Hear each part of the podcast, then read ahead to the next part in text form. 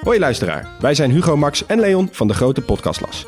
Wij zijn drie geografen en elke week behandelen wij een ander land. We bespreken onder andere de geschiedenis, politiek, natuur, maar ook de sport, de muziek en natuurlijk het eten.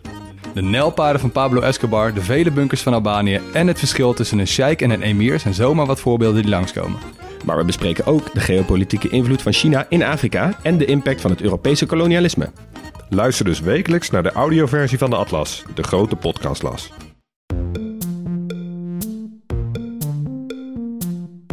Daar, fijn dat je luistert naar Boeken FM, de literaire podcast van Dasmag en de Groene Amsterdammer. Wij nemen op in de studio van Dag en Nacht Media. Wil je nou nooit meer een aflevering van ons missen? Abonneer je dan nu in je eigen podcast-app en geef ons ook vooral een heleboel sterren en recensies. Dan zijn we ook zichtbaarder voor anderen die ons misschien willen luisteren. Heb je een vraag voor ons of ben je heel erg boos, vooral op Joost? Stuur dan een mail naar boekenfm.dasmag.nl. En we zijn tegenwoordig ook te vinden op Instagram, boekenfm. Kalm en uh, ja, succesvol. Ook hoffelijk, ridderlijk, ja, ja. beheerst. Ja. Weet je welke personages? Ja, het, het Joost-persoon van ja, het boek. Een soort Joost, inderdaad ook geen diepgang. Ik wist dat je dit ging zeggen. Niet alle blonde mannen zijn jou gelijke, Joost. Hallo allemaal en welkom bij Boeken FM, de literaire podcast van Dasmag en de Groene Amsterdammer. We zitten tegenwoordig in de studio bij Dag en Nacht Media met Ellen Dekwiets en Joost de Vries. Mijn twee literaire helden en ook die van jullie hopelijk. Dat is een grapje, ik lees niks van deze mensen.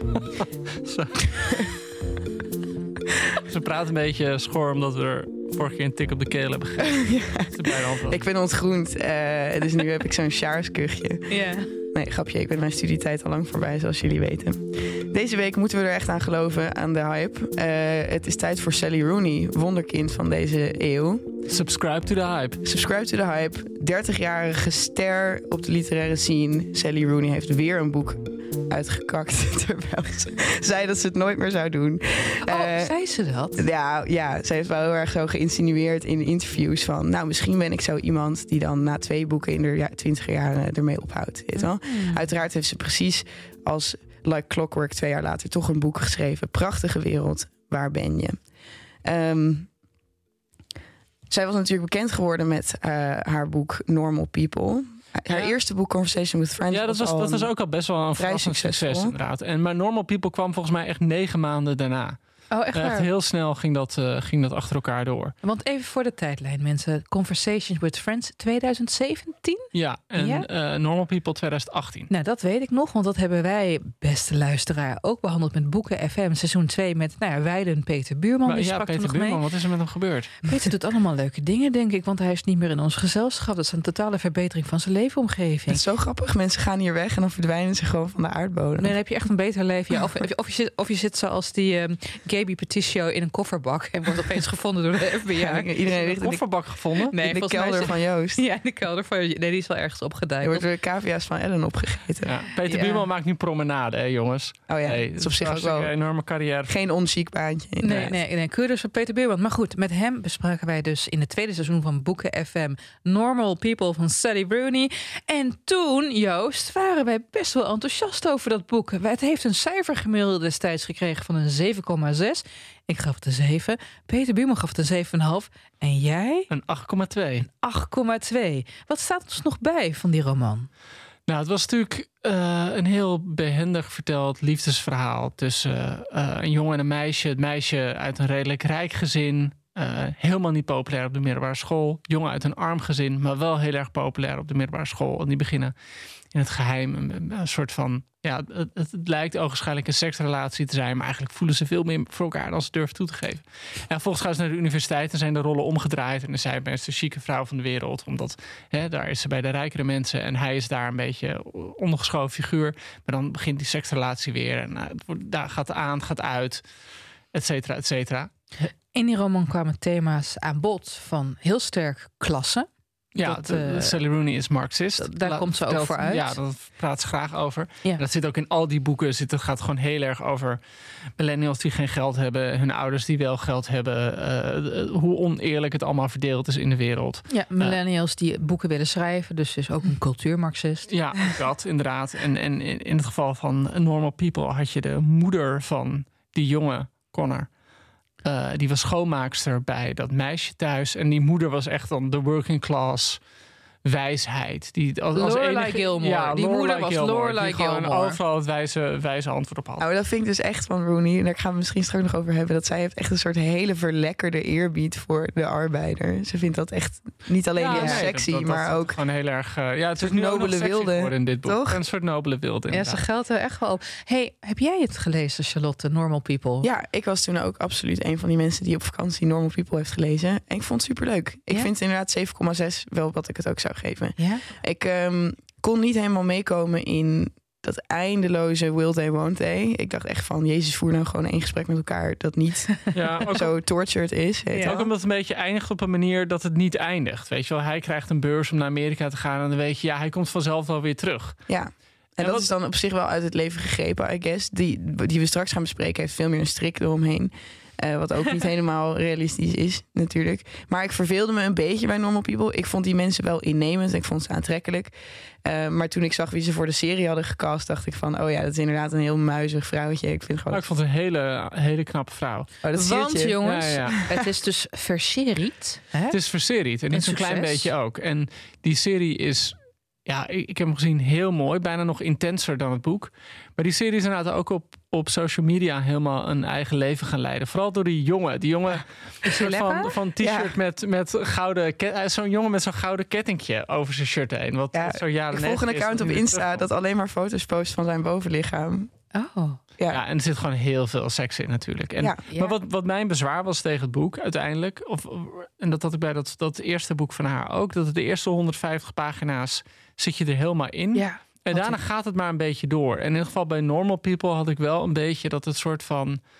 Nou, uiteindelijk was iedereen een slachtoffer en totaal getraumatiseerd door het leven. Terwijl er ja, ook, ja, gewoon het leven is. En uiteindelijk waar het wat, wat begon als soort van stralende jongens, eh, jongeren...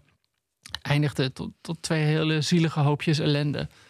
Eh, wat, ik, wat ik een beetje te makkelijk vond en een beetje te zwaar op de hand of zo. Dus de- ook bij dat, dat had ik bij Conversation with Friends ook. En hierbij ook. Dus na, na, na 150 pagina's had ik het idee van alsof Rooney ook niet zo heel goed meer wist waar het nu naartoe moest. En toen bleef het een beetje. Ze doet eigenlijk aan character sketches. Dat zegt ze ook in het interview over dit boek. Van, ik- heeft eerst die personages, die wil ze dan leren kennen. En dan plot, het komt nog wel, of zo. Oh, maar dat is eigenlijk precies wat Virginia Woolf ook zei over het opbouwen van een roman. Het gaat om wat die personages met elkaar doen. Ja, dat is op zich ook geen, denk ik, slechte manier om het aan te vliegen. Maar ik, ik ben het met je eens dat in Normal People het een beetje nergens op uitliep. Dit is wel een beetje andersom, toch? In The Beautiful World, Where Are You? Ja, het is ook een heel op een heel. Misschien moeten we daar dan meteen over beginnen. Het is natuurlijk een boek dat op een hele andere manier verteld is. Het, het, is, het gaat over vier eh, eindtwintigers, eh, rond de dertig eh, in Ierland. Maar wat nu het vertelmechanisme is, is dat er om het hoofdstuk een hele lange mail, elke keer lange mails zitten tussen van Alice, eh, het vrouwelijke hoofdpersoon, en Eileen, het andere vrouwelijke hoofdpersoon. En dat zijn van die lang. Dus daarmee wordt, wordt de hele tijd het, het, het, de, zeg maar, het, het plot en de handeling wordt afgewisseld met mails waarin over Reflectie. ja, de hele wereld eh, wordt. Over En wat is het plot even in het kort? Alice is een schrijfster van 30 jaar die een enorme bestseller heeft geschreven. Geen idee wie Alice, op wie Alice is gebaseerd. En die heeft op het platteland kan ze een woning, ja, even lenen, waarin ze gaat zitten en nadenken over wat ze met haar leven wil. Ze is een beetje geblokkeerd. Ondertussen woont haar vriendin Eileen in de grote stad. Die is in die zin een typische millennial dat ze twee derde van haar loon meteen aan haar huur mag eh, overmaken en in een schimmelige grot woont. En een wel oké baantje heeft bij een literair tijdschrift, wat vooral symbolisch in plaats van economisch kapitaal genereert. En allebei zitten ze een beetje op die eh ja, quarter-life, third life crisis van. Ja, ga ik trouwen? Ga ik nog een boek schrijven? En het zou geen echte Rooney zijn als de intermenselijke relatieproblematiek ook niet uitgebreid aan bod zou komen. Want Alice, die heeft, begint een beetje een relatie te krijgen met een vakkenvuller uit de regio. Felix, die ze. Ja. ja, of- Hij is geen vakverder. Ja, hij werkt bij een soort van Amazon-achtige- zoiets. Ja, ja, ja. Echt Ja. een arbeider. Felix biseksueel, stoer. Ze ontmoeten elkaar op Tinder. en ehm, ze hebben dan een soort date. En dan zegt eh, Alice, dan, nou, ze zoenen niet zijn neuken niet, maar zegt Alice van, hey, weet je wat, Guy? wij gaan, ik ga volgende week naar Rome, want ik heb een perstour. Eh waarom ga je niet mee op mijn kosten? En dan zo, "Oh, oké. Nou ja, en dan, het, ik, ik, ik snap Dat is inderdaad gewoon de- perfecte samenvatting van het personage Felix. Gewoon, Ja. mm, oké. Oké, dat, oké, dat dat. Vonden jullie hem niet heel lekker? Nou, daar komen we zo meteen op. Over dat lekkere komen we zo meteen. Dan hebben we een andere plotlijn. Dan heb je Eileen, haar zus gaat trouwen. Is trouwens typisch in boeken van Rooney. Hè? De hoofdpersonen hebben altijd een toxische oudere broer of zus. Weet je wel, die pest of gewelddadig is. Een beetje wat wij met Charlotte doen. Gewoon dat je, dat je het geïllustreerd ziet aan de hand van deze podcastaflevering. En eh, Eileen die heeft een jeugdliefde die vijf jaar ouder is. Waar ze Simon. Simon, die twee meter lang is, stiekem katholiek, voor een linkse organisatie werkt. En gewoon heel kalm en eh, Ja, succesvol. Ook Hoffelijk, Hoffelijk. ridderlijk. Ja, ja. beheerst. ja. Weet je welke personage? Ja, zo het, het Joost-persoon van ja, het een soort Joost. Ja. Inderdaad ook geen diepgang. Ik wist dat je dit ging zeggen. Ja, ja. Niet alle blonde mannen zijn jou gelijke, Joost. Ja. En in, in die zin is de verstandhouding tussen Eileen en Simon een voortzetting van de verstandhouding tussen eh, Connor en Marianne uit Normal People. Dat zijn mensen die ook nog steeds niet precies weten hoe en wat. En eigenlijk weten we het wel. Want Simon zegt heet van ja. Eileen, ik wil jou wel, maar als ik dat te erg zou toegeven, dan ben je uitgekeken op mij. En dan zegt Eileen van, ik verdien jouw liefde niet. En ik ben alleen maar een zeikend meisje. En ik heb al jouw liefde nodig, maar ik verdien het niet. En een andere vrouw verdient het. Een mooiere vrouw dan ik. Ja, precies. En eigenlijk de kern van dit boek, want ik, ik, had het, eh, ik heb het gisteren in de trein uitgelezen. Ik denk van, nou, hoe zou je dit in één zin samenvatten? De ene millennial vraagt de andere millennial of hij of zij misschien een avondje blijft logeren. Dat is echt het hele boek. Het is echt van, mag ik bij je komen slapen? Ja, neem sokken mee. Ik maak een bakje ijs voor je klaar. Wil je misschien bij mij blijven slapen in Rome? Weet je het zeker? Het, het, het is heel erg ehm, zoeken naar een thuis. Naar geborgenheid bij elkaar. Ah, Oké, dat vind ik op zich nog wel een genereuze... Nou ja, het is denk ik wel meer. Kijk, wat, wat volgens mij er ook heel erg in zit. En, en er, er zit- er zijn nog wel veel meer interpersoonlijke dingen te bedenken. Wat ik er wel heel goed aan gedaan vind, is dat die Alice en Eileen, die zijn studievrienden van elkaar. En eigenlijk was op de universiteit Eileen de getalenteerde. Die won allemaal prijzen voor de essays en noem maar En op. de knappe en de populaire. en de populaire. En, en, Alice was en soort Alice was gnoom ja, een beetje het muisje dat, dat een beetje zo miep, piep, piep achteraan snuffelde. Ja. Uh, maar toen opeens was Alice dus wel in staat om die, eh, die twee, twee boeken heeft ze inmiddels geschreven die wild succesvol zijn. En dat zit niet helemaal lekker bij Eileen. Dat merk je ook in hoe ze. eh want wat eigenlijk het grootste deel van het boek eh, hebben Eileen en Alice geen contact met elkaar, behalve via mail, maar ze zien elkaar niet. Oh, ze maken wel eens van eh, zo'n typische vriendschap van hé, hey, laten we afspreken. En dan dat gebeurt over dat een half jaar echt niet. doet. En, en Eileen zit ook de hele tijd met Felix een beetje te katten op die. Of met, sorry, met Simon te katten op. van ja, god, zo succesvol. Waarom heeft ze nou zo'n inzinking gehad? Wat stelt nou allemaal voor? Weet je wel? Dus dat zit er ook wel in. Maar waar het eigenlijk voor mijn gevoel ook heel erg om gaat. En, en dat ook zo'n thema natuurlijk heel erg van deze tijd is. Dat, en dat, dat zit heel erg in die mails die ze hebben. Is van hoe kun je het voor jezelf rechtvaardigen dat je in een wereld leeft met een enorme klimaatcrisis, met een soort van woekerend kapitalisme, met allerlei grote mondiale problemen, migratie, vluchteling, noem maar op. En Terwijl je ze- armoede. En armoede. Belangrijk, Joost. Ja, nee, maar kapitalisme, Ja, dat, ja. daar hoort armoede bij. Ja. Eh, en tegelijkertijd dat je zelf toch gewoon vooral met seks en liefde bezig bent. Van hoe kan je een goed mens zijn als je zo met jezelf bezig bent, terwijl al deze dingen in het leven aan, het hand, eh, aan de hand zijn. En jouw leven in de eerste wereld gefundeerd is dankzij uitbuiting van mensen in de derde wereld. Ja. Dat zijn ook hele, ja, weet je, er- zitten hele mailwisselingen in. Waarbij ik op een gegeven moment dacht van Rooney, je had eigenlijk een pamflet moeten schrijven. Ja, of ik zei een van het zijn essays inderdaad. Ja, maar niet goed. Geen goede essay. Nou, nee, ik vond het hele goede mails namelijk. Want dit is echt hoe mensen aan elkaar mailen. Waren het perfect gecomponeerde essays geweest, dan had het denk ik iets heel schematisch gehad. En eh, had het heel erg eh, het fabrikaat zichtbaar gemaakt. Goed, maar nu Joost, dacht ik, dit zijn echt van die mails die millennials elkaar sturen. Dit zijn ook mails die ik heb gestuurd. Dit zijn ook mails die ik heb gekregen. Dus overtuigend qua vorm, maar niet overtuigend qua inhoud, vind ik. Nou, De dingen die erin worden gezegd en beweerd, heb ik zoiets van ja, echt Jezus hersencoma, gaap, really? Nou, ik vond dus zelf dat. ehm voor mijn gevoel werd daar een soort gek spel gespeeld. Dat jou als lezer een beetje voor het blok zette. Want wat ik merkte bij die mails, en dat, zo, zo werkt het boek ook wel een beetje. Je hebt dan elke keer een hoofdstuk dat er gewoon contact is tussen de personages. En het eindigt dan weer met een emotionele cliffhanger. Vervolgens krijg je zo'n mail. En die mails beginnen elke keer op dezelfde manier. Namelijk heel uitvoerig over de wereld. En over wat, wat vermag literatuur in tijden van crisis en noem maar op. En je merkt dat je daar stiekem een beetje doorheen bladert. Omdat je gewoon wil weten, naar het einde van die mail... waarin de persoonlijke mededelingen komt. En wanneer wordt samengevat hoe die liefdesrelaties eh, verder gaan. Dus- je dacht dus- dat dat wel kunstig, zeg maar, ja, ik dacht was. eigenlijk van, van hè, ze ze hebben het de hele tijd, het wordt heel erg gethematiseerd van, het wordt heel erg gethematiseerd van, van hoe kan je voor jezelf rechtvaardigen dat in al deze problemen die er in de wereld zijn, je vooral met seks bezig bent. En eigenlijk wordt, wordt die vraag, soort van, wordt je als lezer medeplichtig gemaakt aan het dilemma. Omdat je zelf vanzelf vooruit wil spoelen, als het ware, naar die seks en die liefde. Want dat is toch eh, de, de, de motor van het boek. Oké, maar ik ben niet helemaal met je eens dat dit... Dat dit Ja, ik weet dus niet of, of, of dat Sally Rooney, of dat exact, of ze dat heeft gewild. Precies, Wat ik denk dat ze heeft gewild, is kwam namelijk mij over. Wat denk jij dat? Want ik denk namelijk dat zij wil, zeg maar, have your cake and eat it too. Waar ze goed in is, Mm. is namelijk eh, interpersoonlijke relaties en liefde en Seks. seks. Ja, dat ze en heel hele seks goede seksscènes, inderdaad. Supersterk. Familie, dat begrijpt ze allemaal heel goed. Maar ze wil ook aan haar lezer laten merken van... ik ben slim genoeg om te weten dat dat niet alles is... en dat er meer is aan de samenleving. Is dat, want, want- Ja, maar dat, dat voel ik ook. Ik denk echt dat, een soort, dat het boek uit een soort schuldcomplex van Sally Rooney voort. maar ik vind dat heel storend. Ik denk van, zij wil echt heel erg zeggen van... oké, het probleem van de moderne roman is hetzelfde als het probleem van het moderne leven. En dat ze dan, dan, als dat dan eenmaal heeft gesignaleerd... dan staat ze boven de mensen die gewoon liefdesromans schrijven. Maar ze wil eigenlijk gewoon een liefdesroman schrijven. Ja, maar voor gevoel staat ze er dus ook niet boven. Dus ze schrijft gewoon die liefdesroman. Ja, daarom. En ze Maar heeft doe dat dan als een echte millennial. Heeft ze zeg maar dat schuldcomplex over wat ze doet erin. Ja, sorry, sorry, sorry. Ja, dat ik is vond het storend. Ja. Want ik vond op zich dat de essays waren wel... Want ik, ik maak een eh, podcast over millennials zelf. En een heleboel van die thema's... Noem hem even. ja, hoe heet je podcast? Red de millennial. Red de millennial. Ook, Grappig. ja. Ja, oké, ja. En ehm, goed, een heleboel van die thema's die daar aan bod komen... zitten ook in die essays. Dus ik vond ze wel interessant. Bijvoorbeeld een terugkeer naar religie. Van oké, ik wil traditie weer hebben in mijn leven... maar ik kan het nergens vinden. En ook die hele vraag van...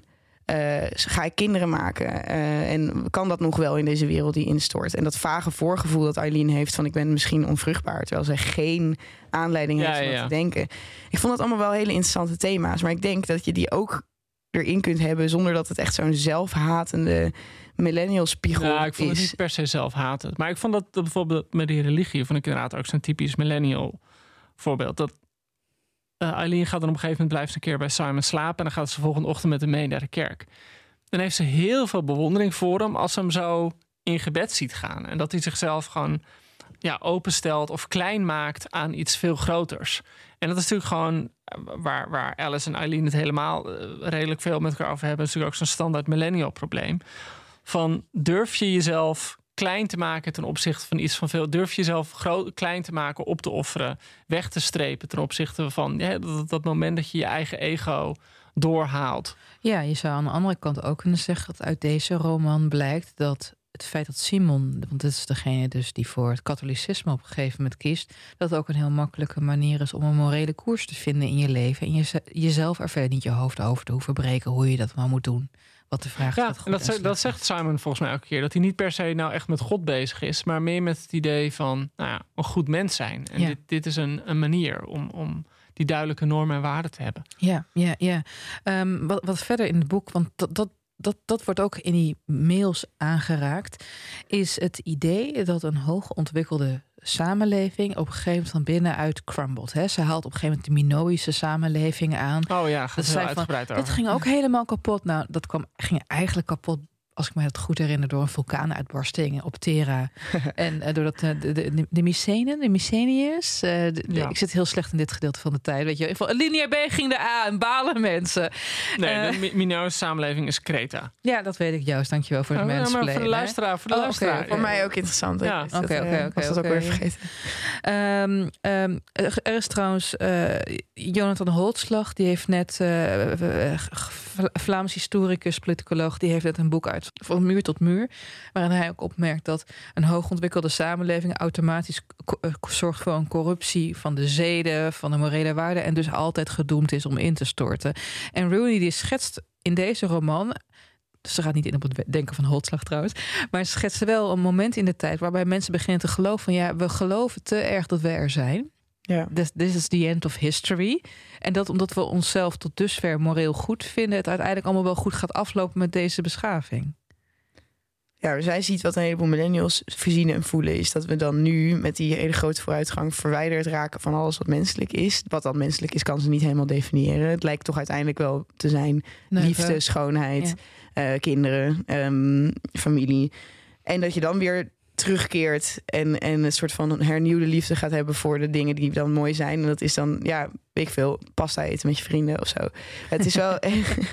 ehm, het heeft op een gegeven moment een hele tirade over dat plastic de lelijkste stof op aarde is. En dat we alles, dat de wereld eindigde op het moment dat we alles van plastic gingen maken. Dat zegt Eileen, geloof ik. Ja. Mhm. Dan Alice die riposteert van oké, nee, het was het niet. Het einde van de geschiedenis was toen de muur viel.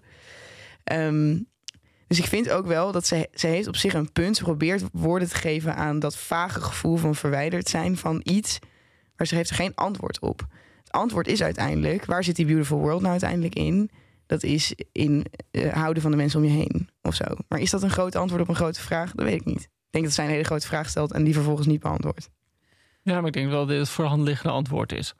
Ja, het is wel simpel, toch? Ja, oké, maar dat, dat- soms is het simpele antwoord niet het foute antwoord. Dat is zeker waar. Maar toch, als je dit leest, begrijp je een zeker ongemak dat Rooney het gevoel moet hebben gehad om zich te verhouden ten opzichte van de grote crisissen waar wij met deze tijd ons voorgesteld zien. En dat lost ze niet bevredigend op. Maar hoe, niet hoe zou je dat kunnen oplossen? Want, je- want uiteindelijk schrijft ze over mensen in dit moment. En wij zitten allemaal met die crisis. Al die dingen zitten we in ons hoofd. Nou, weet je wat het is? Zou- eh, eh, allereerst kan je. Wat Jonathan Franzen bijvoorbeeld doet in zijn romans. Je zet mensen echt op die knooppunten waar beslissingen worden genomen. Bijvoorbeeld in de politiek. Of je gaat iemand die met een van een noodlijdend Oost-Europees land eh, banden gaat aanhalen om daar een nieuwe. Ja, zo grappig. Eh, deze mensen zijn wat dat betreft daarvoor te klein. Dan kan je daar tegen ze inbrengen. Dat, dat kleine juist, weet je, dat machteloos, dat nietige, dat ze dat heel erg centraal weer in zet. Maar het boek overtuigt wat dat betreft niet. Nou, ik vind de personages zijn ook gewoon een soort bloedeloze, perfecte engelen. Ik vind ze gewoon niet. Vind je ze perfect? Ja, de imperfecties die ze hebben, die voelen gewoon. Dat zijn perfecte imperfecties. Het zijn perfecte imperfecties. Het zijn toegevoegde imperfecties. Wat is het grote geheim van Felix? Wat is nou het ergste dat hij heeft gedaan in zijn leven? Dat is dat hij een meisje heeft bezwangerd toen hij 14, toen hij 17 ja, en toen gedwongen had om een Abortus eh, abortus. Ja, maar Goed, dat was, zijn meisje was nog heel jong, maar dat wist hij niet. Nou ja, en, Dat is- en hij biegt dat dan op en hij is meteen heel kwetsbaar. En hij is zo van het zo erg in persoonvroeging. Terwijl, waar is dan de, Felix die gewoon een lul is die hier gewoon achter staat? Weet wel? En Simon is dan wel gelovig, maar niet op een enge manier. En, Ja, eh, daar zit en- één heel grappig ding in. Dat, dat, dat was een moment waar ik heel erg om moest lachen. Is dat eh, die Eileen, haar zus Lola, die gaat trouwen. En dan zit ze mee te appen. En dan vraagt ze, mag je iemand meenemen? En weet je, je hebt daarvoor 150 bladzijden alleen maar gewoon die Eileen horen zeggen van... Oh, die Zo Simon lekker is zo lekker en is zo succesvol en is zo bijzonder. En dan zegt die zij- vraagt, vraagt ze aan haar zus van... mag je iemand meenemen naar je bruiloft? En dan zegt ze, oh god, toch niet die, toch niet die Simon, hè, die creep. ik dacht van, oh wacht, opeens zie je zo'n... Maar ik vond haar het sympathiekst eigenlijk, Die Lola, Lola. van iedereen. Want zij is heel geloofwaardig. Want zij zegt tegen haar zus gewoon van... je bent een ontzettend naar kind. Ja, maak er gewoon iets van. Stel Ja. je niet aan. Ja, je bent zo'n aansteller. Even over die perfectie, imperfectie van deze personages. Hè. Ik vind allemaal super vreselijke mensen. Laat, eh, jullie niet? Nee, ik Nee. vind ze echt voorkomen. Ik zie ze gewoon lopen. Ja, ik, maar dat wil niet zeggen dat je ze per se leuk vindt. Ik vond Nee, Eileen veel te herken. Ik vond, ik vond Eileen te herkenbaar. Ik vond Felix wel sympathiek. Simon vond ik heel ongrijpbaar. Ik weet niet wie dat is. Ik vond- En Alice vond ik diep onsympathiek. Ja, diep irritant ook, ook omdat je heel erg aan Sally Rooney zelf doet denken, weet je wel. Maar eh, wat ik op een gegeven moment, eh, laat ik alvast een stukje, een, een, een tip van de sluier oplichten. Ik heb dit niet met plezier gelezen, jongens. Ik heb Hmm. echt gewoon, ik had ik ook met het boek van Patricia Lockwood, dat je geen denkt van hoeveel pagina's moet ik nog, terwijl ik bij Normal People Dat de shortlist van de Boekenprijs, hè? Is dat zo? Lockwood. Nou, ja. dyslexiek heb je in Ja. elke echelon van de samenleving, zo blijkt maar weer. Anyway, terug naar dit boek. Maar dit is geen elitaire podcast trouwens. Nee, dat is geen elitaire podcast. We zijn gewoon mensen van het volk. Nee, ik niet. Terug Eh, naar dit boek, in ieder geval. Het was voor mij echt niet om door te komen, zeg. Wat een gezeur. Ik vond het echt een heerlijk boek. Ik heb Nee. het echt met permanent interesse gelezen. Echt waar? Ja, ja, ik zat er helemaal in. Ik dacht echt van, ik geloof dit toe. niet. En op, een gegeven moment schreef ik in de kantlijn, hè. Ik hoop dat dit eindigt zoals de serie Seinfeld eindigt. Kijk, bij Ja, dat was Seinfeld... wel, ja, Bij Seinfeld worden dus de personages op een gegeven moment eh, in de laatste aflevering helemaal opgesloten. Omdat ze alleen maar ook met zichzelf bezig zijn en niet met de wereld. En ik hoopte echt dat deze mensen in een martelcontainer werden opgesloten. En dan gebrandmerkt en in elkaar geslagen. Omdat ze zo egocentrisch zijn. Maar dat gebeurt niet. Ja, maar dat, ik bedoel, dat, dat, dat egocentrisme is natuurlijk gewoon een van de thema's van het boek. En eh, ja, ik ken ook duizend mensen eh, die egocentrisch zijn. Ik vind dat niet per se. Eh, ik weet niet, dat, dat kan die personage. Wat ik heel goed gedaan vond. Kijk, al die individuele personages zouden niet per se eh, mijn vrienden zijn. Maar goed, daar lees ik ook geen boeken voor. Wat ik wel heel goed gedaan vond, was de dynamiek tussen die personages. En ik vond echt die, die slechte dates en Hm. die gekke seksscènes en die dialogen vond ik echt heel goed gedaan. Dat, dat gekke ongemak tussen Felix en Alice, die elkaar eigenlijk wel leuk vinden. Hoewel ik me wel echt afvraag van vindt Felix haar nou leuk of niet? Dat, Ja, dat is helemaal niet duidelijk. Aan het einde gaat hij ineens, ik hou van je tegen Ja, dat, dat, denk, eh, en die Alice die, die werpt zich volgens mij aan zijn voeten omdat ze het idee heeft van ik ben rijk en succesvol, daar voel ik me schuldig over. En nu moet ik een, een, een Arbeider. arbeidersjongen eh, omarmen. Eh, dat, dat- maar gewoon, ik vond die dynamiek, ik bedoel, wat, wat de psychologie van die personage is, want super diep gaat ze daar niet op in. Die dynamiek vond ik heel goed gedaan. Oké, ja, die boeide mij, eh, om eerlijk te zijn, echt totaal niet. Dus, eh, jij, Charlotte? Nou, ik zat hier precies tussenin. Want ik vind inderdaad dat het heel geloofwaardig is eh, hoe deze mensen met elkaar omgaan. En hoe egocentrisch mensen wel degelijk gewoon zijn. En, en, eh, maar ja, aan de andere kant, ik vond gewoon die self-insert. Je mag natuurlijk niet over iedereen zeggen van. De schrijver mag zichzelf uiteraard wel een boek inschrijven. Maar ik vond vooral dat heel erg storend. Dat Alice Duidelijk. duidelijk Sally Rooney is. Nou, op zich mag dat. Eh, eh, en daar komen ook al die bespiegelingen vandaan over schrijverschap. Want daar heeft ze natuurlijk een heleboel Ja. over van. Wat, wat, wat voor rol heb je als schrijver? Ehm, eh, maar ik, ik ergerde me gewoon aan, zoals Eileen zich dan aan haar ergert, denk ik, de ondankbaarheid van, van haar. Van ik, wil, ik vind Rome zo vreselijk, want ik moet daar dingen als schrijver doen. Je weet wel. Oh, ik zit nu in dit enorme huis, maar ik ben wel eenzaam in dat enorme huis. En ja, ik heb een miljoen, maar ja, wat moet ik met een miljoen? Als ik, ik, ik wou dat ik in een warenhuis werkte. Ja, maar dat is, dat is wel een goed voorbeeld van, van having your cake and eating it too. Dat ze, dat ze aan de ene kant dat succes heeft en, en dat ook thematiseert. Uh, Sally Rooney hè, stopt haar succes erin. Aan de andere kant wel over wil kunnen klagen.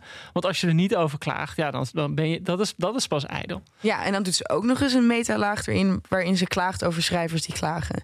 Dus er zit, er zit ook Ja, een ja. laag in van dat, dat de Sally Rooney insert, Alice, die zegt dan zo van: wat is het toch vreselijk om met andere schrijvers om te gaan? Want die hebben het altijd alleen maar over hoe vreselijk het is om een schrijver te zijn. Ja, ik vind dat, dat ik moet zeggen dat ik dat, of ik weet niet hoe jij dat vond, Alice, maar ik- of Alice, Ellen, Ellen, maar ik vond dat wel grappig gedaan dat Alice dan eh, inderdaad gewoon de hele tijd klaagt over die, die standaard literaire festivals met al die eh, literaire auteurs die dan klagen en eigenlijk Over recensenten, over, recensenten, prijzen waar over ze prijzen. niet voor genomineerd Ja, zijn. inderdaad. Gebrek aan publiciteit, mensen die meer verdienen dan zij. Maar ook Joost, want dat vond ik echt heel grappig. Dat die Alice, dat herkende ik wel. Dat je in het buitenland, als je dan op tournee bent...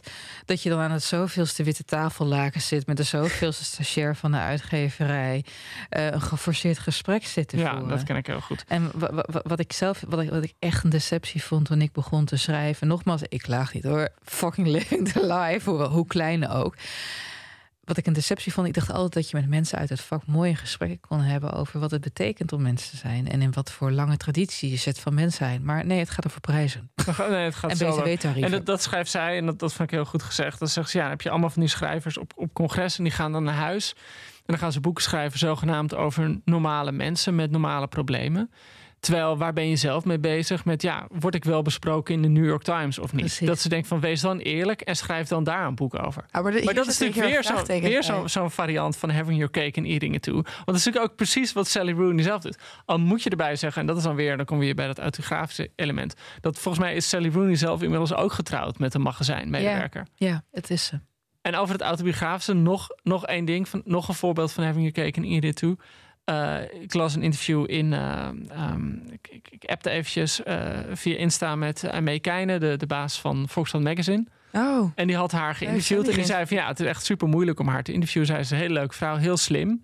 Maar ze weigert elke vorm van over haar privéleven praten. Wat natuurlijk heel gek is als je zo nadrukkelijk één op één jezelf in een boek stopt. Dus je wil wel dat iedereen nadenkt over jouw privéleven. En vervolgens zeg je. Het is heel koket. Ik vind het heel koket. Ik vind haar niet onsympathiek in interviews overkomen. Maar ik vind gewoon die hele air van... ik ben per ongeluk heel beroemd geworden. En dan, dan zeg je dus eigenlijk nee dankje... tegen dat geschenk dat je hebt gekregen. Namelijk een heel groot publiek en het talent om daarmee te communiceren. Ja, maar denken jullie ook niet, even, even even wat compassie voor Sally Rooney, dat het is nogal wat, hè? Dat je opeens gigantisch doorbreekt met een boek. En eh, ik heb dat van dichtbij wel gezien met een aantal jongere schrijfsters... die opeens doorslaand succes waren, nationaal en internationaal. Dan heb je opeens een ongevraagde... Sommige mensen die, die denk ik hadden erop gerekend om vanuit de marge te kunnen schrijven. En vanuit die respectievelijke schaduw hun mening, weet je wel, ongezien. Je bent eigenlijk een fly on the wall of society. Ja. En ehm, het is heel veelzeggend. Ik pak even eh, het citaat waarmee de roman opent. Eh, dat is een citaat van Natalia Ginsburg. En dat gaat als volgt. Als ik schrijf, als ik iets schrijf, denk ik meestal dat het heel belangrijk is en dat ik een geweldige schrijver ben. dat zal iedereen wel hebben, denk ik. Maar eigenlijk weet ik heel goed wat ik ben. Een heel, heel klein schrijvertje. Echt, ik weet het. Maar het maakt me weinig uit. En dit is wishful quoting, heb ik het idee. ja, nee, dit is natuurlijk helemaal Want ja, jezelf indekken. Op. dit is heel erg indekken. Maar ik ben wel. Maar wat een lat zal Rooney hebben gehad. Even wat compassie, jongens. 100 procent, wat een lat om dit boek te schrijven. Nee, maar ik ben ook, was ook wel perplex van hoor. Dat ze het zo snel geschreven heeft. Dit boek. Eh, ja, dat, ik bedoel, het is, het is drie jaar na haar vorige boek uitgekomen. Het vorige boek schreef ze in twee weken, hè? Ja, nou ja, ja. En die daarvoor ook in, in een kort tijdsbestek, inderdaad. Maar ehm, ik, ik denk dat, dat je dat inderdaad niet moet onderschatten. Wat er gebeurt als je zo beroemd bent als Sally Rooney. Ik bedoel, natuurlijk wordt je leven dan gewoon afgepakt op een gekke manier. Ja, En zeker. je, en je kan gewoon de straat niet meer over. En die verwachtingen bij haar moeten... overdreven, maar, maar ik bedoel, je kan niet in een cultureel gebied je neus laten zien zonder eh, omringd te worden door mensen die allemaal iets van je vinden en allemaal iets van je willen en allemaal ja, achter je rug om praten. En ze werd ook heel erg gemarket als ster, toch? Jij vertelde De. Salinger van de Snapchat ja, maar goed, dat, dat is gewoon zo'n citaat. Ik kan me voorstellen dat dat stond volgens mij in The Guardian of zo, een van de eerste interviews. Dan weet je gewoon, dat raak ik nooit meer kwijt. En het bepaalde manier is ook met Sally Rooney. Kijk, je kan zeggen van, nou goh, is nou de stem van de millennials of niet? Ze is het gewoon, omdat ze zo wordt behandeld. Ja. En omdat die boeken een daverend verkoopsucces zijn. En blijkbaar vindt iedereen het ook heel leuk. Omdat inderdaad in bijna elke recensie komt dat citaat van de Salinger van de Snapchat-generatie. Wordt in elk, elke recensie gebruikt. Dus mensen hebben op een bepaalde manier vervuld zij een soort rol in het literaire discours. Van we hebben iemand nodig waar we dit allemaal zo op kunnen. Ja, en dat is heel vermoeiend voor de persoon zelf. Ik weet nog wel, als Bob Dylan, die, die, die wilde bij die film slash docu die over hem werd gemaakt, Ja, I'm ja. Not There, wilde hij helemaal meewerken. Maar er mocht één ding niet gezegd worden, namelijk dat hij de stem van een generatie was. Ja. En we zagen het in een eerdere aflevering over de grotere drie ook al. Reven die vond het ook helemaal niet leuk dat hij een generatiestem werd genoemd. Het blokkeerde hem echt ook in de boeken die hij daarna wilde schrijven. Dus met alle respect, zij heeft wel echt een grote hoge lat gehad. Anderzijds, kijken we naar het vorige seizoen van Boeken FM, Donna Tart. Wat een lat moet er zijn geweest na de verborgen geschiedenis. Ze nam een break van tien jaar en keerde daarna terug met The Little Friend. Wat Ja. niet beter is dan de verborgen Maar wel iets geschiedenis. anders. Maar wel iets anders. En, en dat moet je natuurlijk dan wel hierbij zeggen. Kijk, eh, hè, wat, wat een druk moet er op haar schouders zijn gezegd als, als hè, Salinger van de Snapchat-generatie. Maar vervolgens schrijf je een boek wat gewoon nog steeds één op één in die lijn ligt. Ik Precies bedoel, je gaat niet iets anders doen. Ik Precies dat, precies gewoon- dat. En dat, kijk, ik ben nu benieuwd, want nu is deze druk eraf. En sommige recensies zijn vernietigend geweest over deze roman. En dat kan ook een opluchting zijn. Kijk, ze verkoopt er niet minder om. En ik durf te willen dat haar volgende boek ook flink zal verkopen. Maar misschien dat dit ademruimte biedt.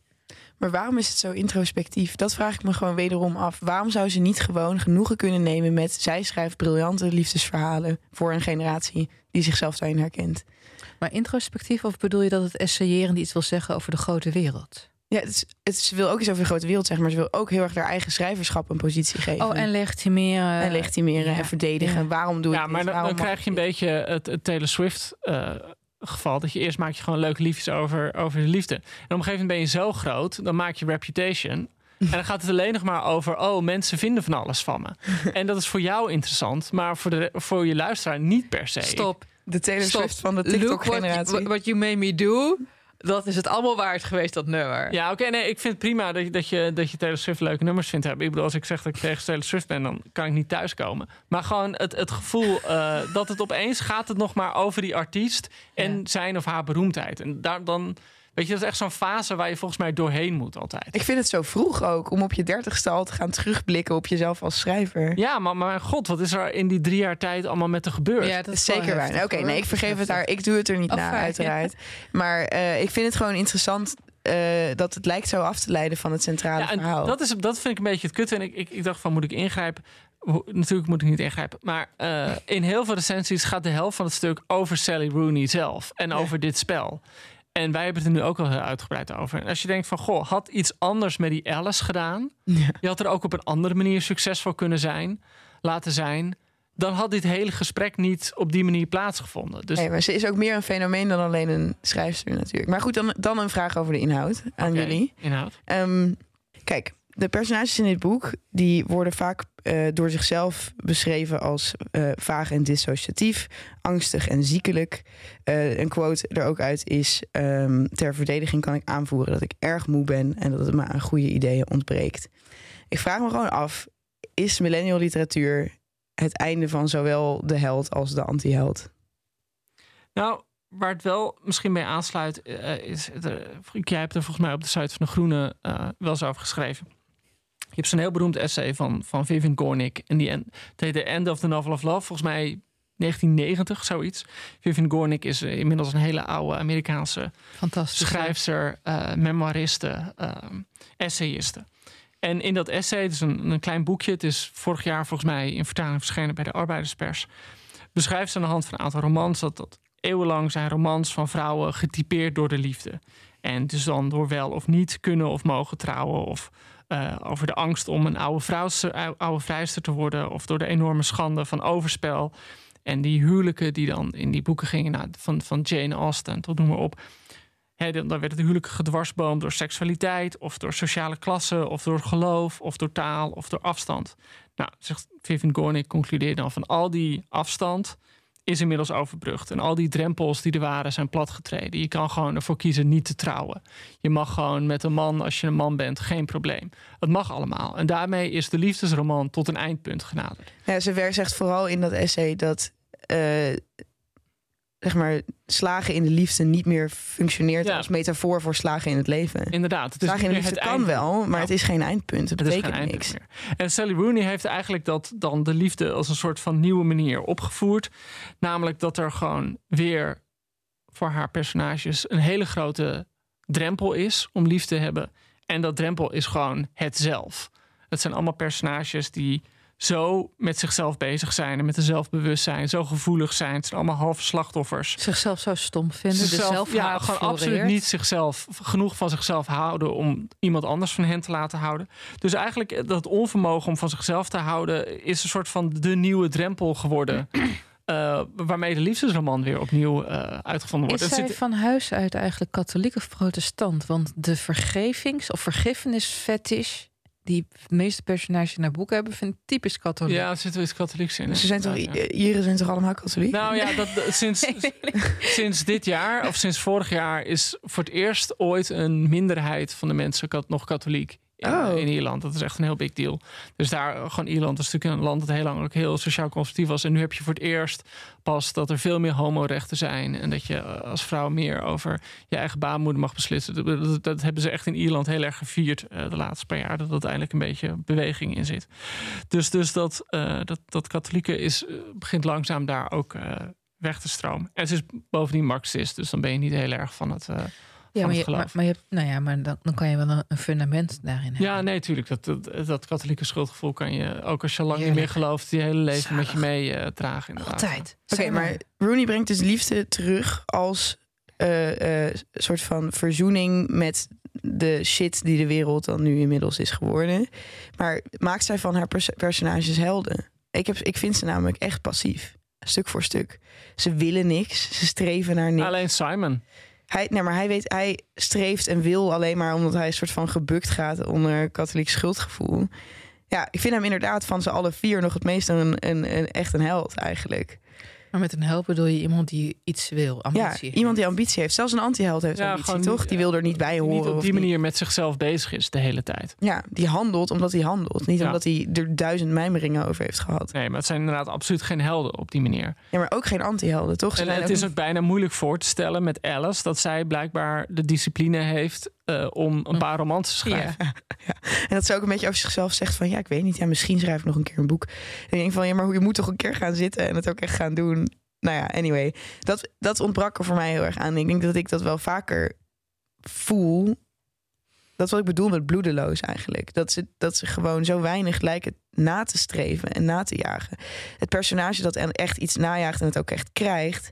is de zus van Eileen. Die heeft altijd al met iemand willen trouwen. En die is dan op de dag van haar bruiloft ook echt... Die Ja, die is gewoon, ja. Die is er, die is blij. Helemaal happy. Die is gewoon thuis nu. En ik dacht van, daarom vond ik haar ook weer sympathieker eigenlijk dan Eileen. Die de man van haar dromen beziet en dan er heel moeilijk tegen gaat doen. Ja. Altijd klaarkomt tijdens de seks met hem. Ja, Ja, Ja. wat wil je nog meer? Ja. Hij verdient geld. Ja, is lekker. Laten we het zo nog even over die... seks. Ja, ik bedoel, dat moet wel gezegd worden. Ze schrijft heel goed over seks. Ja, toch? vond ik ook het hoogtepunt van dit boek. climax. Ja. Nou, weet je wat grappig is, jongens? Eh, voor we naar de vragen gaan, want die hebben we nog, beste luisteraars. Ik dacht toen ik dit boek las van, nou, ik, ik ben een millennial, want ik ben uit 82. Jij bent generatie Z, neem ik aan. Ja, ik zit op de, net op de grens. Ik word ook wel een Gen Zennial genoemd. En I like that, Oh, Jen Zennial. Nou, ik had het over dit boek met een vriendin van tegen de 60. En ik zei, wat vond jij hier nou van? En ze zei, nou, ik heb het als een, sorry, ik heb het als een Ik antropoloog weet meteen wie het is Oh, als je zo begint. Kut, kut, kut, kut, kut, kut. Ik heb het als een antropoloog gelezen. Eh, want ik vind het heel interessant te zien hoe dat hele seksleven daaraan toe gaat. Want zij komt echt, die was punker vroeger. Hè? Die was wel een wilde tante. En ik zei van, hoe vond je het dan? Zij zei, ja, ik vond het zo saai. Al die mensen die maar vragen van, vind je dit lekker? Mag ik dit doen? Wil je dat? Ik zei van, ja, misschien, ja, dat, dat wil... In die andere boeken van Rooney zit ook een soort fetish voor overweldigd willen worden, hè? Ja, wil in elkaar gebeukt worden en in elkaar geneukt worden. ja. Ja, door, door Connor en zo. Maar in dit geval, ik moest denken aan een scène uit New Girl. Hebben jullie die serie gezien? Ja, Ja, een paar seizoenen. Ja. Ja. Dan heb je op een gegeven moment, dan gaat de hoofdpersoon Jazz, die gaat eigenlijk met een geheime grote liefde en Nick naar bed. En ze wonen in een heel groerig huis. Dus een van die, ehm, van die huisgenoten, de geweldige Schmidt, die eh, heeft op een gegeven moment tegen Nick over, ja luister Nick, ik weet niet wat er met jullie seksleven aan de hand is, maar jullie klinken als twee mijnwerkers. Van, gaat het goed met je? Vind je dit nog prettig? Ja, ja adem je nog Ben je er nog? beetje? Ja, ben je er nog? Hallo? En ehm, die vriendin van bijna 60 van mij, die zei van ja, dit, ik vind dit zo ontzettend antropologisch interessant. En ehm, ze zei ook van ja, er zit een hele grote kloof tussen hoe erg zij naar consent zoeken op seksueel vlak en juist niet aan over elkaars grenzen heen denderen op vriendschappelijk vlak. dat is wel heel interessant Ze gegeven. zijn zorgvuldiger minnaars dan vrienden Ja. en levensgezellen. Ja, maar je kan je ook echt afvragen, zijn, het, zijn het goede vrienden? Nee, Ja. dat vraag ik me dus echt af. En Ja. ik vind dat er te weinig aandacht aan besteed wordt in het boek. Want ik ga zeker terug naar de seks, want dat is interessant. Ja. Maar de band tussen... Sorry, ik praat veel te snel. De, De band, band. tussen Alice en Eileen... eh, zou zoveel giftiger moeten zijn dan die nu wordt weergegeven. Ze hebben één ruzie die op zich wel echt uitmondt tot... Nou ja, maar dan die avond leggen ze het alweer bij. Een Eh, ruzie die trouwens ook echt uit jaloezie op de andermans geld. Ja, wat op zich een legitieme jaloezie is. Kijk, Eileen... Alice doet echt iets heel onmenselijks door de hele tijd tegen Eileen te zeggen van... jij bent eigenlijk de slimmere van ons tweeën. Jij bent het genie. Terwijl Eileen moet leven van 20.000 euro per jaar. Bruto. Eh, ja, en, en Alice een gevierd schrijfster is... wat Eileen eigenlijk ook wel had willen zijn. En ze zegt ook de hele tijd tegen Eileen van... jij moet eigenlijk schrijven. Jij kunt zo goed schrijven. En je mails zijn zo goed. Je moet eigenlijk net zoals ik. Ik vond dat Mm, zo... Ik denk van, als ik Eileen was geweest... dan had ik, haar- had ik Alice gehaat. Niet omdat ik dus zo'n gemeen... Maar, maar dat is denk ik toch ook de reden dat ze elkaar amper zien. Want ze, ze mailen met elkaar en dan zeggen ze steeds: hey, eh, laten we binnenkort afspreken. En dat doen ze dan niet. En ik bedoel, er is natuurlijk wel een reden waarom ze elkaar niet echt opzoeken. Er zit gewoon heel veel eh, frustratie en pijn zitten. Dat is wel waar. Het, zit waar. het was gewoon niet genoeg uitgesproken. Ik vond die mails dan te zonnig of zo. Ja, Daarin zijn ze steeds van... oh, ik vind je zo lief en ik vind je zo leuk. ja. Terwijl Alice, die moet ook ergens voelen van...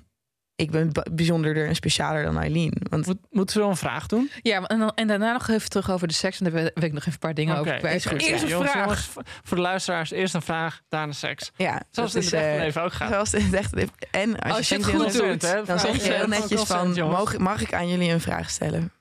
Ehm, en dan zeggen jullie, ja, is dat fijn? nee. Ehm, we hebben via Instagram een vraag gekregen van Daphne van Minderhout. Eh, Moet je die achternamen bij? Oh ja, doen we met Jet Zwart ook. Ja, oh Jet shit, Zwart. sorry, doen we dat niet? Nee, doe maar wel, doe maar wel. Hi Oké. Daphne. Oké, Daphne vraagt: welk boek gaat er bij jullie door merg en been? Fuck alle literaire regels of niet? Wat voelt zo sterk dat geen enkele regel er ook maar iets toe doet? Vraagteken, uitroepteken. Ja, dan kom ik heel cliché. Daar hebben we ook een aflevering over gemaakt. Over een klein leven. Nou, best wel een slechte roman aan de ene kant. Maar ik heb zo gehuild. Ja, maar fuck alle literaire regels. Als je er iets van gaat voelen. Zo gejankt bij die roman. Maar dat heeft ook te maken met de omstandigheden. Want ik had net de relatie verbroken met degene met wie ik echt dacht aan de prothese. Weet je, tot de, tot de prothese leeftijd te gaan redden. Ah. Dus eh, nee. En jullie jongens? Ja, ik, het eerste wat bij mij naar binnen schiet is toch gewoon eh, heel flauw. Maar De Gebroeders Leeuwenhart van Astrid Oh, ja. Lindgren. Dat is zo'n boek dat een gegeven moment op, op de bladzijde 20 gaan ze dood. En dan gaan ze naar het Himaar. En vanaf dat moment begin je eigenlijk al gewoon met, met huilen ongeveer. Oh my god. Echt, eh, zo kapot. Ja, Jonathan en Kruimel. Het is gewoon zo zielig. En gewoon op het moment dat, dat, dat Kruimel dat briefje schrijft aan zijn moeder. Niet bang zijn, mama. Tot ziens in Hou ja, op. ja, dan kan je gewoon dan kan je alleen nog maar huilen. Jonathan Leeuwhard was trouwens mijn se- sexual awakening. Dat is echt Ja, heel in de raar. film Dat bedoel je? Nee, die tekeningen. Oh, echt? Dat is echt heel raar. Nee, dat is niet raar. Dat is 12. Dat, dat maar ik was acht raar. of zo. Maar dat vond je, je vond hem sexy. Ja, want hij had een zorgrol en hij was zeg maar sterker dan Kruimel en zo. Nou, ja, I don't know. Ik weet niet wat. Wat grappig. Ik had het een keer met een boek van Rosemary Stadcliffe. Een koning voor de Dalriade. Daar heb je Oh. op een gegeven moment, het gaat over eh, Brittannië, Engeland. En dan een, een, een half Brits, half Romeinse jongen. Die kiest partij voor de Britten en zo. En die heeft dan een soort sidekick. Een jongen met lang haar. Ga ik heel erg hard op. en, en die heeft dan een wilde kat getemd. Maar Ellen. Weet je wel? Ja, ik snap dat. En er zaten hele mooie illustraties bij. Ik voel dat. Ja, ik wist ook niet wat ik voelde, zeg maar. Maar ik besef nu dat dit misschien het begin Ja, van mijn, mijn, mijn eh, seksuele awakening was. was volgens mij eh, Kim Wilde. Echt? Ja, ik zag Oh. Kim en toen dacht ik, hey, dit is Vrouwen. niet zomaar een vrouw. Dacht ik. Dit Ja, is ik- gewoon, er, er zitten verschillen in vrouwen. Ik had het met, ik had het met. Tatjana Simic. Maar volgens mij iedereen van mijn generatie is seksueel ontwaakt. door Tatjana Simic. Hmm, ja, uit Vlodder. Ja, ja. Maar om welk boek, heb je, welk boek gaat bij jou uh, door mergen heen, Charlotte? Eh, ja, eigenlijk ook een kinderboek. En daarom dus ook fuck alle literaire regels. Maar Kees de Jonge, nog altijd mijn favoriete boek. Ik ben daar echt in duizend stukken omgevallen. Ik vond dat echt super mooi. Ook nog meteen mijn favoriete eh, personage. Als we het hebben over helden en anti-helden. Ja. Is Kees de Jonge denk ik de ultieme anti-held. Ehm, dus, Daphne, hartstikke bedankt voor je vraag. Als je wil huilen, dan heb je nu je tips binnen. Ja, jullie Ja. mogen altijd vragen blijven sturen naar eh dasmag. Nee, boekenfm.dasmag.nl .nl. of merel.dasmag.nl.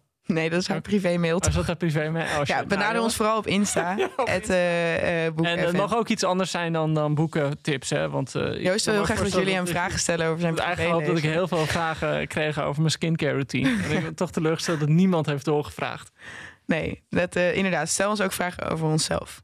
Ja, we hebben nu natuurlijk de hele tijd over Prachtige Wereld, daar ben je, van Sally Rooney. En dat is uitgegeven bij Amber Antos, vertaald door Gerrit Baartman en Jan de Nijs. En Amber Antos eh, was zo aardig, we hadden net toevallig pauze. En toen kreeg ik prompt eh, een telefoontje van ze dat we drie exemplaren mogen weggeven. En niet zomaar exemplaren, dames en heren. Gesigneerde exemplaren. Nee. Door Sally Rooney herself. Ambo Ehm, Antos, dankjewel. Wat cool. Heel Wat relaxed. tof. Ja. Eh, en die kan jij, jij, jij winnen. Ehm, en wat, wat moet je dan doen? Laten we het volgende doen. Eh, mail naar boeken FM. Oh, waarom kan ik nooit in één keer het e-mailadres goed zeggen? boekenfm.dasmag.nl of anders via de socials. Wat is jouw grootste Sally Rooney moment? In de zin van wanneer voelde jij je het meest een typische Sally Rooney personage? De ultieme eh, moeilijke millennial. Het mag ranzig. Het mag ranzig. Het mag, je mag vertellen wat je wil We kunnen er geen genoeg krijgen Ja, we van al kunnen die genoeg van jullie. Ja, oh, ja oké. Eh, nou, dat is win, win, win. Win. En dan nu terug naar het neuken. Ik vond de seksscènes vond ik echt wel geil en goed beschreven. Ja, ik vond het geile seks zijn. Ik vond het geile seksscènes. Dan moet ik er wel bij zeggen, hè? Ik weet niet of jullie dit herkennen. Ja, dan ben jij nog gelukkig te jong voor Charlotte. Ja, maar- wat komt er nu in godsnaam? Ja, wat komt Ja. er nu voor? Nou, weet, je, weet je, jouw pa is ook dood. Eh, weet je, nu, nu, nu mijn vader gewoon helemaal ziek is, ben ik echt de hele dag. Ik doe eigenlijk maar drie dingen: lezen, schrijven en neuken. Dat is echt het enige waar ik nog maar mee bezig ben. Ja, dat is wel heel erg mijn vriend en ziet me aankomen. Hij eh. duikt meteen weg onder de tafel, huilend. Maar, Ja, Oh ja, hij is doodje in de nek hijgt. Oh, Ja, laat me met rust. Ja, want, arme jongen. Ja, dat is niet waar trouwens. Maar, goed, dat, ik, ik vond dat wel echt goeie, goed beschreven scènes hoor. Wat ik wel dan niet realistisch vind, is, weet je wel, hij, hij zit heel even, die jongens zit dan heel even aan haar sexy gedeelte en zo. En eh, nou, het wordt wel beschreven alsof hij gewoon even een deurbel beroert en bam, ze is al klaargekomen. Ik vond wel dat er meer, er kwam wel meer clitoris in voor dan in, in menig andere literatuur. Ja, het was een heel clitorisvol boek. Toch? Ja, nee, ja. dat Wat ik niet eh, per se meteen feministisch wil noemen, maar wel geloofwaardig. Nee, ja, dat, Joost, dat, eh, Ja, nee, er werden allerlei clitorissen beroerd. ik, werd wel, ik werd wel geil van dit boek. Ik werd er echt wel hitsig van. Maar nogmaals, ik word van alles hitsig tegenwoordig. Oké, eh, jij wordt van alles hitsig. Ik ga van alles huilen. Ik heb een vraag voor jullie. Hebben jullie ergens in het boek echt wel een soort van emotie gevoeld? Jij was niet helemaal fan.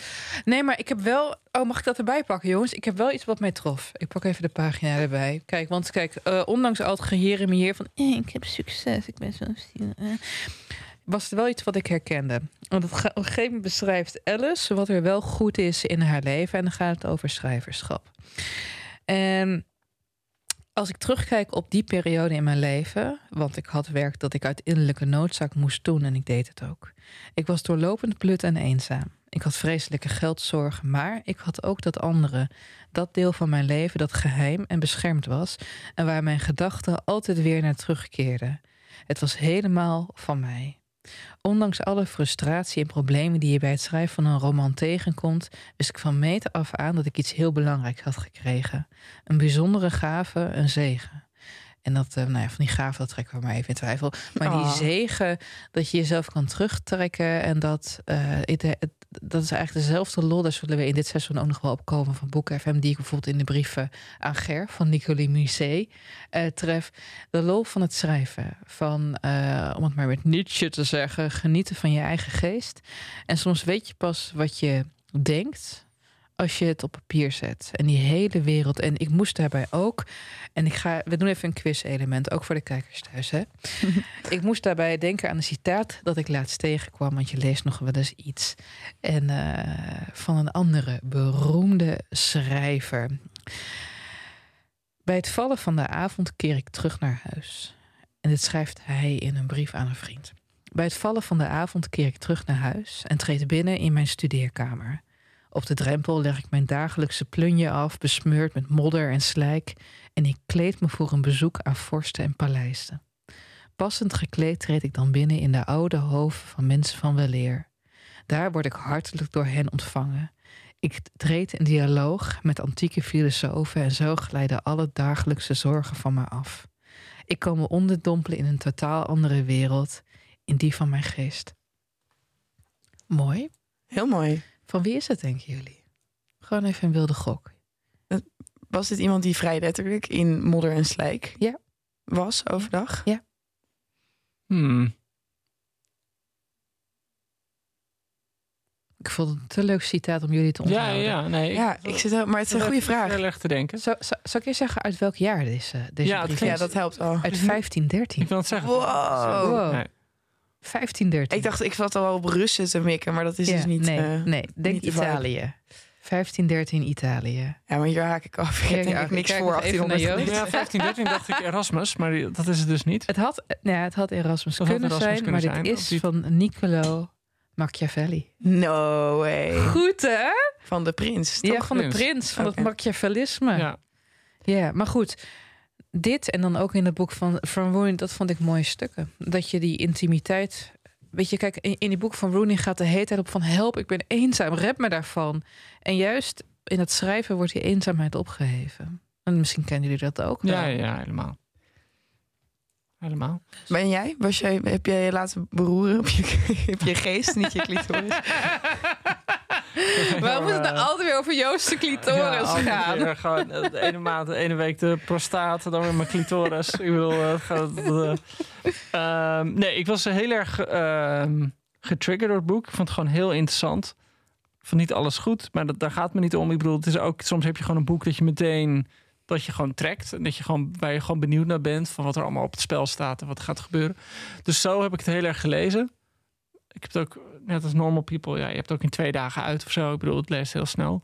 Maar ik, ik was niet op die manier beroerd door. Ik bedoel, ik, ik los wat, wat ehm, Ellen ook zei, je leest het ook een beetje als antropoloog altijd, omdat het gewoon zo'n soort van een auteur is die zo haar best doet de millennial te vatten, dat je het ook een beetje leest van oké, dit is, ik bedoel, we weten allemaal wat een millennial is en we hebben er elke dag mee te maken.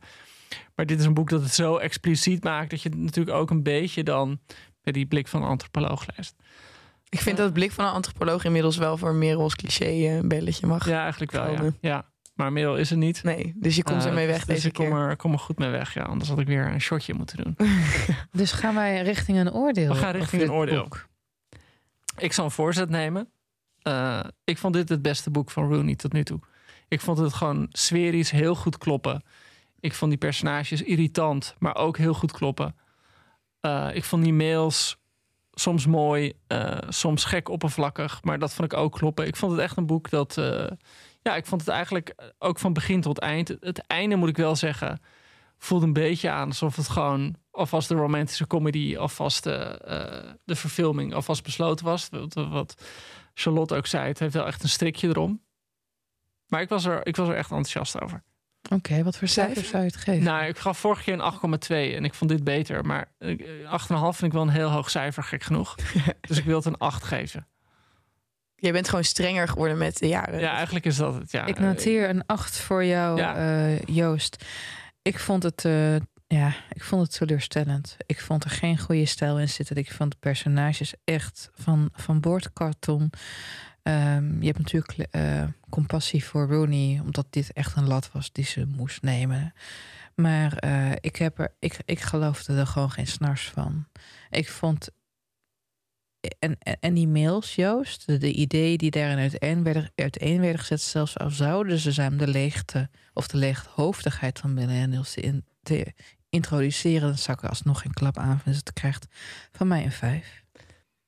Ik eh, vond het beter dan normal people op het gebied van relaties en mensen. Eh, want ik vond deze mensen, ook al waren ze niet helemaal likable, eh, vond ik ze interessanter dan Marion en Connell.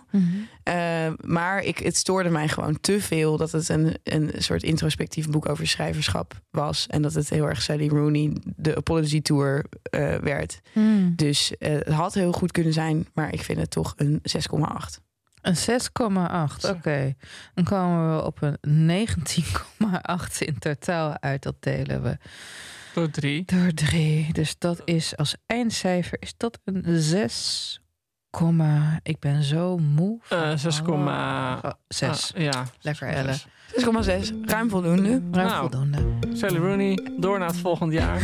Eén punt minder dan het Doe nog vorige maar een boek. keertje. Ja. Ga je nou niet zo opvreten? Je kunt schrijven. Go girl. Jongens, dankjewel voor het dankjewel voor luisteren. het luisteren. Dankjewel Joost, dankjewel Charlotte, dankjewel Elle. Graag gedaan Elle. En dank jullie wel, luisteraars. Geef Ja. ons allemaal sterren in jullie podcast-apps. En lieve recensies als je Ja, lief, lieve We kunnen ze Ja, gebruiken. en wordt allemaal eh, abonnee van de Groene Amsterdammer. Gewoon voor eh 15 euro 10 weken. Of misschien wel voor 10 euro 15 weken. Ik haal het altijd door elkaar. Maar gewoon... eh, Het is betaalbaar. Zelfs Ja. ik heb een er abonnement. staan heel veel stukken Want ik werk voor dat blad, maar ik krijg ze niet toegestuurd. Sandra Schut heeft een heel slim stuk over dit boek geschreven. Dus eh, jongens, op zijn plat. Dat was echt een goed stuk. Surf naar... eh, Ja, groene.nl. Dat is onze basis. Oké, tot volgende week.